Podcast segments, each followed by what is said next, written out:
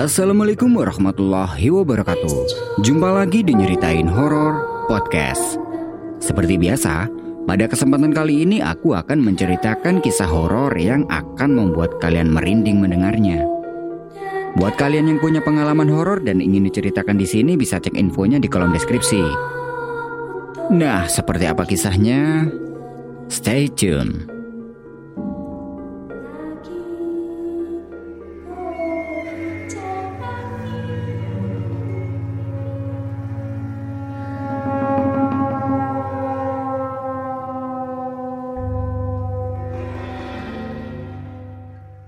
Widi adalah seorang cewek yang cukup bebas. Meskipun masih duduk di bangku sekolah, tapi teman-temannya Widi ini kebanyakan anak-anak yang di atas umurnya. Bisa dibilang dia ini cukup bandel, suka nongkrong sampai larut malam. Untuk usia segitu, ya sekiranya kurang baik lah, apalagi dia ini cewek. Ketika sedang nongkrong dengan teman-temannya, Widi ditawarin untuk ikut mendaki ke Gunung Ciremai. Sebut saja dia adalah Tito, Awalnya, Widi menertawakan Tito. Sejak kapan Tito suka mendaki gunung?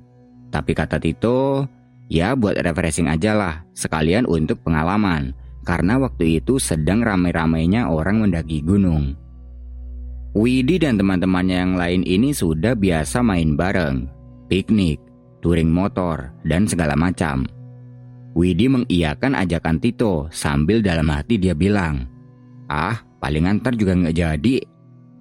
Soalnya mereka-mereka ini sebelumnya emang nggak pernah naik gunung. Di tongkrongan itu bukan hanya Widi yang cewek, ada satu lagi, yaitu Susan. Orangnya agak tomboy, dan setiap kali nongkrong, Widi selalu bersama Susan. Beberapa hari kemudian, Widi dihubungi oleh Tito dan memberitahukan tentang pendakian ke Gunung Ciremai yang sempat dibahas tempo hari. Tapi, di hari yang sudah ditentukan itu Widi tidak bisa karena di sekolah dia sedang ada ujian akhir sekolah. Hingga akhirnya pendakian itu diundur sampai Widi selesai urusan sekolah. Singkat cerita, semua urusan sekolah sudah selesai, tinggal menunggu hari kelulusan. Itu pun kalau lulus. Tapi syukurlah, Widi dinyatakan lulus. Setelah lulus otomatis udah nggak ada lagi kegiatan di sekolah, tinggal menunggu wisuda saja. Widi menepati janjinya untuk ikut pergi mendaki ke Gunung Ciremai. Dia tidak bilang apa-apa tentang pendakian ke Gunung Ciremai ini ke orang tuanya. Dia hanya bilang kalau dia mau main beberapa hari dan nginep di rumahnya Susan.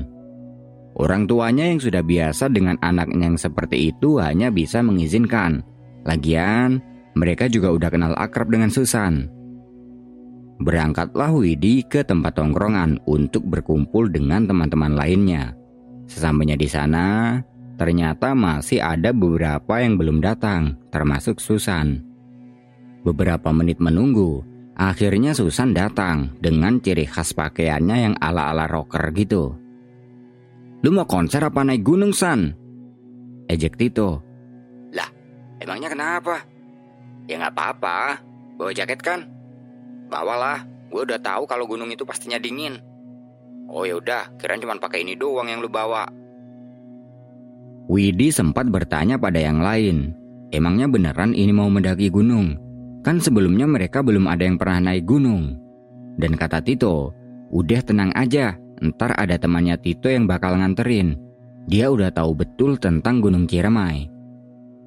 Oke lah, setelah yang lain udah pada ngumpul, mereka langsung cabut menuju ke pos pendakian Gunung Ciremai via Linggarjati. Sesampainya di sana, mereka ketemu sama Mas Puguh, temannya Tito yang mau nganterin tadi. Kalau dilihat dari penampilannya, Mas Puguh ini memang seorang pecinta alam. Tas yang dibawa juga gede banget, gak tahu bobotnya ini berapa kilo. Mas Pugu minta pada mereka untuk istirahat dulu sekalian nunggu dia mengurus si pos. Di sini udaranya benar-benar sejuk dan dingin. Susan yang tadinya hanya pakai kaos, sekarang dia memakai jaket karena kedinginan. Beberapa menit kemudian, Mas Bogu datang dan katanya mereka diizinkan mendaki hari ini juga. Mas Bugu minta pada mereka untuk istirahat dulu di base camp, sementara dia bernegosiasi dengan ojek yang akan membawa mereka ke pos Cibunar. Jadi dari base camp ke pos Cibunar ini bisa menggunakan jasa ojek, tapi kalau mau jalan juga bisa, tergantung kemauan aja. Mendingan naik ojek sih, bisa menghemat tenaga, soalnya kalau jalan kaki itu lumayan kerasa. Nah, setelah deal dengan ojek, Mas Pugu minta pada mereka untuk siap-siap dan satu persatu dari mereka naik ojek menuju ke pos Cibunar. Sesampainya di sana mereka berkumpul dan beberapa ada yang membeli air untuk perbekalan naik. Sebelum memulai pendakian, Mas Pugu mengajak mereka untuk berdoa. Semoga pendakian ini lancar sampai kembali turun nanti. Semuanya udah siap dan pendakian dimulai pada jam 2 siang. Jadi mereka ini totalnya ada enam orang, di antaranya adalah Widi, Susan, Tito, Mas Pugu, Misbah, dan Firman. Di awal-awal perjalanan, masih belum ada kendala apa pun. Mereka menikmati perjalanan dengan santai hingga sampai di pos Leung Datar. Di sini mereka udah pada kecapean. Ya maklumlah, mereka-mereka ini masih pada pemula, naik gunung aja baru kali ini. Mas Pugu memutuskan untuk istirahat dulu. Bagi Widi, Meskipun capek, tapi perjalanan ini cukup seru karena dia bisa sama teman-temannya. Di sini mereka saling ngobrol dan tanya-tanya ke Mas Pugu hingga tidak terasa sudah setengah jam mereka istirahat di sini. Mengingat hari sudah semakin sore, Mas Pugu ngajakin mereka untuk lanjut jalan lagi. Dan singkat cerita, sampailah mereka di pos Kondang Amis sekitar jam 4 lebih seperempat. Pos Kondang Amis ini adalah pos 3 setelah Leweng Datar. Mas Pugu ngajakin mereka untuk bermalam di sini dulu, karena katanya jarak menuju ke pos selanjutnya ini cukup panjang. Oke lah, mereka mendirikan tenda di sini, tepat di samping sebuah bangunan yang terdapat di pos Kondang Amis. Setelah tenda sudah berdiri, mereka masak-masak dan makan. Setelah itu lanjut ngopi-ngopi sambil ngobrol-ngobrol. Tidak lama kemudian, Widi merasa kebelet pipis dan Mas Pugu menyarankan agar pipis di semak di belakang bangunan. Widi ditemani Susan ke tempat itu, dan setelah selesai pipis, dia didatangi satu pendaki cowok berambut panjang dari arah hutan. Pendaki itu bilang ke Widi, Neng, kalau mau ke atas hati-hati. Ada yang gak suka dengan keberadaan temanmu di sini. Maksudnya apa? Pokoknya hati-hati. Lebih baik Neng dan yang lain balik pulang aja. Orang ini apaan sih? Nggak jelas amat. Datang-datang udah nakut-nakutin gitu. Batin Widi. Widi mengiyakan perkataan pendaki itu. Kemudian dia balik ke Susan. Ngomong sama siapa lu, Wid? Tahu, ada cowok nggak jelas. Mana? Tuh di situ. Udah biarin aja, nggak penting. Widi dan Susan kembali ke teman-temannya. Di depan tenda, mereka masih asik ngopi dan saling bercanda hingga malam. Dan ketika sedang bercanda satu sama lain, pandangan Widi tertuju ke satu pendaki cowok yang sedang duduk di depan bangunan. Gak kelihatan begitu jelas sih, tapi kalau dilihat-lihat, itu cowok sepertinya orang yang ketemu dengan Widi tadi. Dia rambutnya panjang gitu. Itu cowok ngapain sendirian di situ? Batinnya, Widi cuek aja, karena sebenarnya dia ini masih kesel dengan cowok itu soal yang tadi. Dia lanjut bercanda sama yang lain, dan beberapa saat kemudian, dia melihat ke cowok yang tadi sedang duduk. Tapi, kali ini dia tidak ada di tempatnya. Widi celingukan untuk mencari cowok itu, tapi tidak ada di area sini. Nyari apa, Wid? Tanya Susan. Tadi di situ ada cowok yang lagi duduk. Kok sekarang nggak ada ya? Cowok? Emang ada cowok? Ada tadi di situ. Mereka semua melihat ke arah yang ditunjuk Widi, tapi mereka tidak ada yang melihat keberadaan cowok yang dimaksud Widi. Suasana tiba-tiba menjadi hening dan mereka semua ngeliatin keadaan sekitar. Yakin Luit ada orang lain di sini? Perasaan dari tadi sore cuma rombongan kita aja yang ada di sini. Yakin tuh, Orang tadi aku lihat dia duduk di situ kok. Udah udah nggak usah dicariin. Aku tadi ngeliat dia udah jalan turun. Plong. Suasana kembali seperti awal karena Mas Bugu ngomong seperti itu. Tapi sebenarnya Mas Bugu sendiri juga tidak melihat. Dia ngomong seperti itu hanya untuk mencairkan suasana.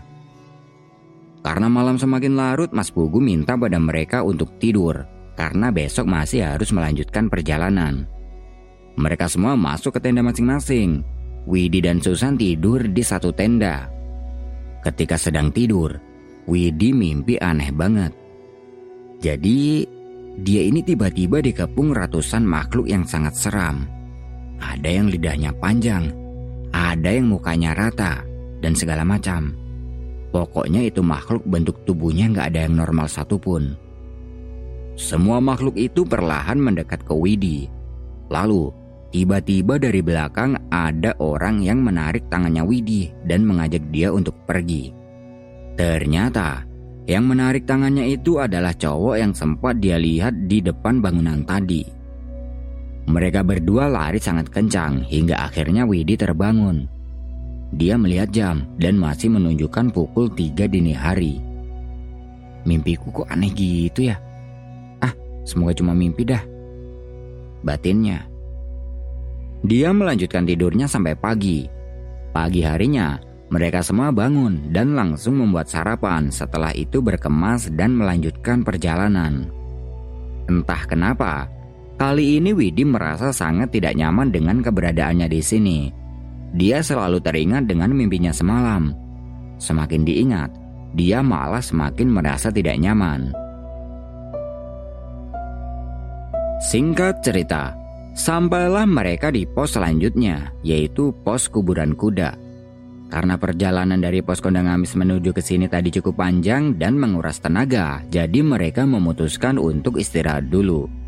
Beberapa cemilan dikeluarkan untuk dimakan, dan ketika sedang istirahat itu, Widi melihat ada satu pendaki cowok dari bawah. Dia sedang berjalan naik. Pendaki itu jalannya cepat banget dan lewat gitu aja di sebelah mereka.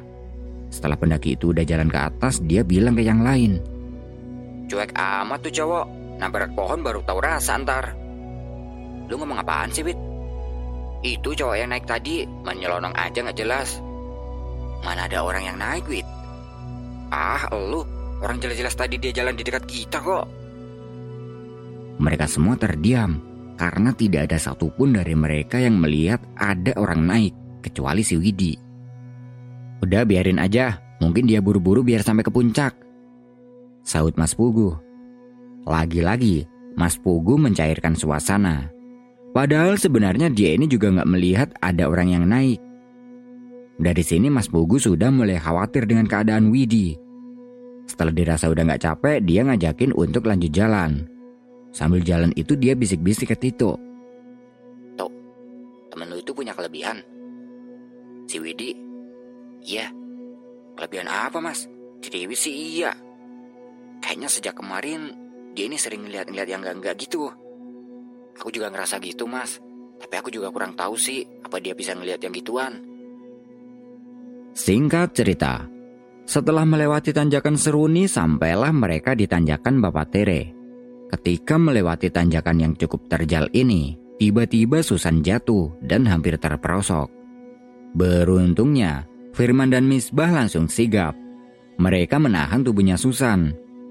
Mas Pugu dan Tito yang udah duluan di atas langsung merosot turun untuk membantu Susan.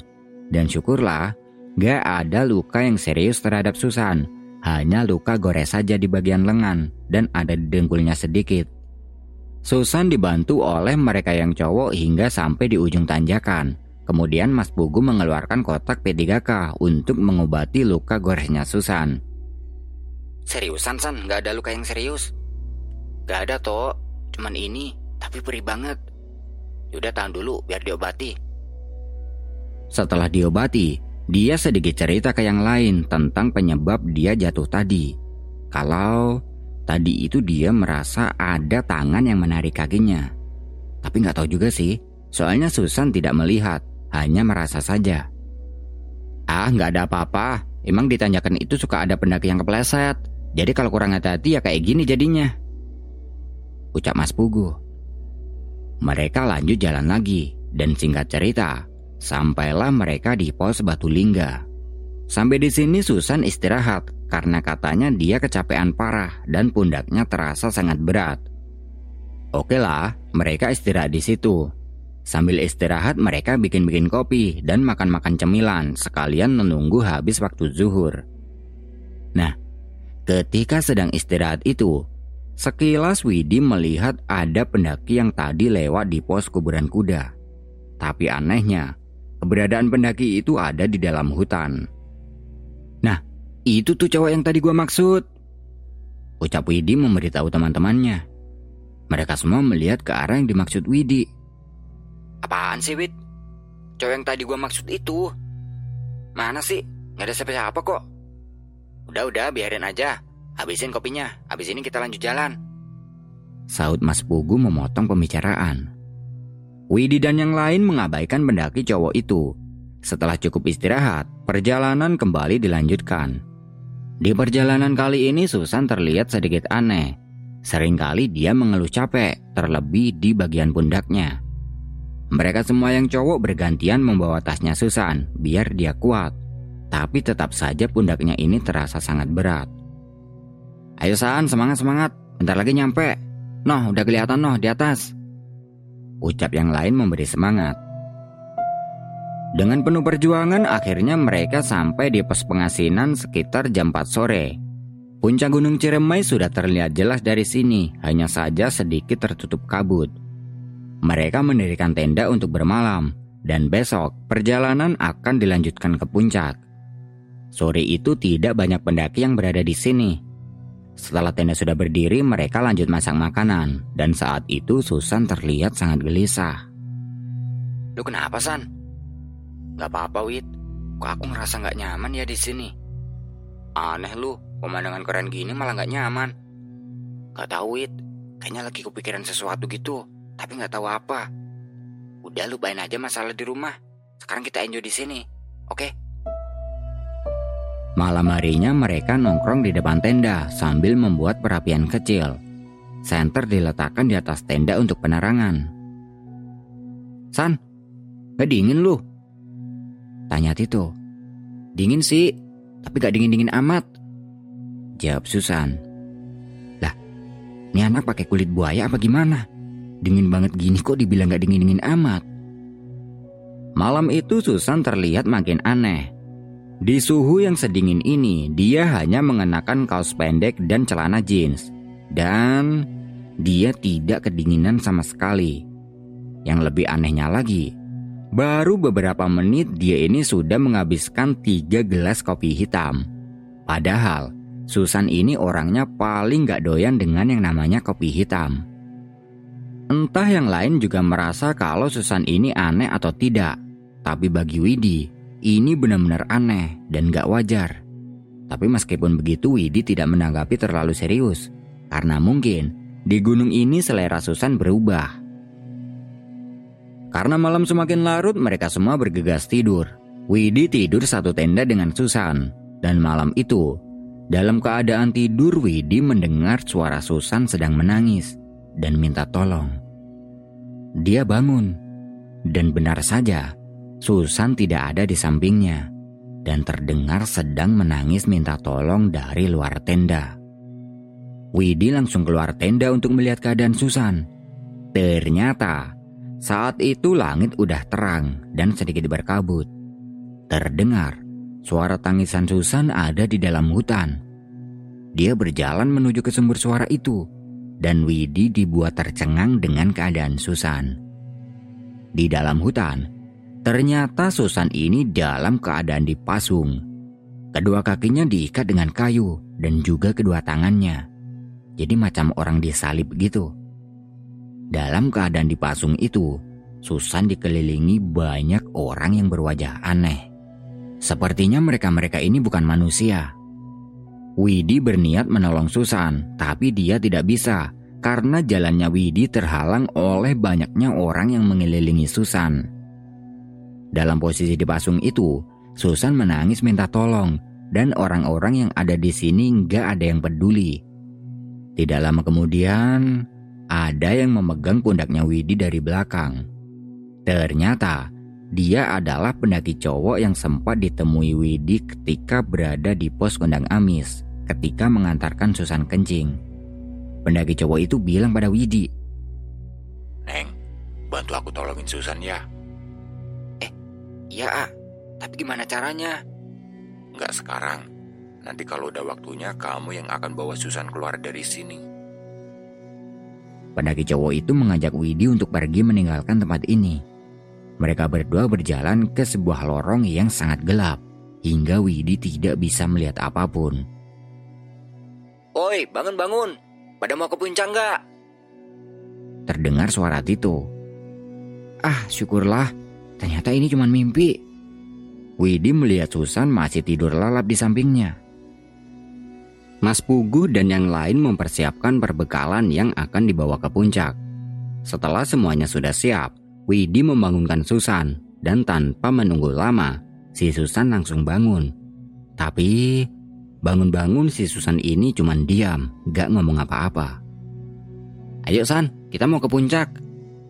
Ucap Widi. Susan langsung berdiri keluar tenda tanpa menjawab apa-apa. Kemudian mereka semua mulai bergerak meninggalkan tenda dan menuju ke puncak Ciramai. Pagi itu suhunya sangat dingin. Susan masih dengan pakaiannya semalam, tanpa kedinginan sama sekali. Pandangan matanya seperti kosong, dan dia tidak ngomong apa-apa sejak bangun tadi. Widi mengira mungkin Susan sedang ada masalah, jadi dia tidak mau tanya apa-apa. Singkat cerita, Sampailah mereka di puncak Ciremai tepat jam 7 pagi. Sinar matahari perlahan menghangatkan tubuh dan pemandangan di atas awan pun menyapa. Widi nggak nyesel bisa sampai di sini. Meskipun capek dan dingin, tapi semuanya terbayar ketika sudah sampai di puncak. Mereka berfoto-foto dan tertawa lepas, tapi tidak dengan Susan. Dia menyendiri duduk di samping kawah sambil terus melihat ke arah kawah. Widi menghampiri Susan. San, lu kenapa sih? Dari tadi diem mulu. Tanya Widi. Susan menoleh ke arah Widi sambil matanya berkaca-kaca. Seakan dia ini mau nangis, tapi air matanya tertahan di kelopak mata. Lu kenapa sih, San? Udahlah, kalau ada masalah lupain aja. Sekarang kita seneng-seneng, ngomong lagi ada di sini. Dengan mata yang berkaca-kaca itu Susan ngomong. Tolongin aku, Wit. Minta tolong apaan sih? Udah tenang aja, pasti gue bantu kok. Aku dipasung, aku gak bisa bergerak. Seketika Widi ingat dengan mimpinya semalam. Loh, dipasung? Ini kan mimpiku semalam. Widi langsung merinding mendengar perkataan Susan. Dia langsung teriak memanggil yang lain dan memberitahukan keadaan Susan. Mereka semua dibuat panik dengan keadaan Susan ini. Siang itu mereka lekas turun dan sesampai di tempat camp, Susan langsung diistirahatkan di dalam tenda. Beberapa kali Mas Pugu bertanya apa yang terjadi, tapi Susan hanya menjawab minta tolong. Mas Pugu pun berniat mengajak mereka lekas turun, tapi Susan tidak mau. Katanya dia nggak bisa pulang kalau nggak ditolongin. Bingung dong, Ditolongin kenapa? Memangnya apa yang terjadi dengan Susan? Widi menceritakan tentang mimpinya semalam pada Mas Pugu, karena mungkin ini ada kaitannya dengan keadaan Susan. Mendengar cerita dari Widi, Mas Pugu langsung nyebut dan membatalkan niatnya untuk turun sampai keadaan Susan bisa normal kembali. Kalian semua bantu doa ya, semoga Susan bisa tertolong. Emangnya Susan kenapa mas? Setengah sukma Susan ada di alam sebelah, tapi kalian tenang aja, udah ada yang nolongin Susan. Siapa mas? Aku nggak tahu persis, perawakannya seumuran aku. Udah, kita bantu doa aja. Penjelasan Mas Bugu itu membuat yang lain merinding. Mereka semua berdoa untuk Susan. Dan sampai sore hari, keadaan Susan masih seperti itu. Dia hanya diam saja.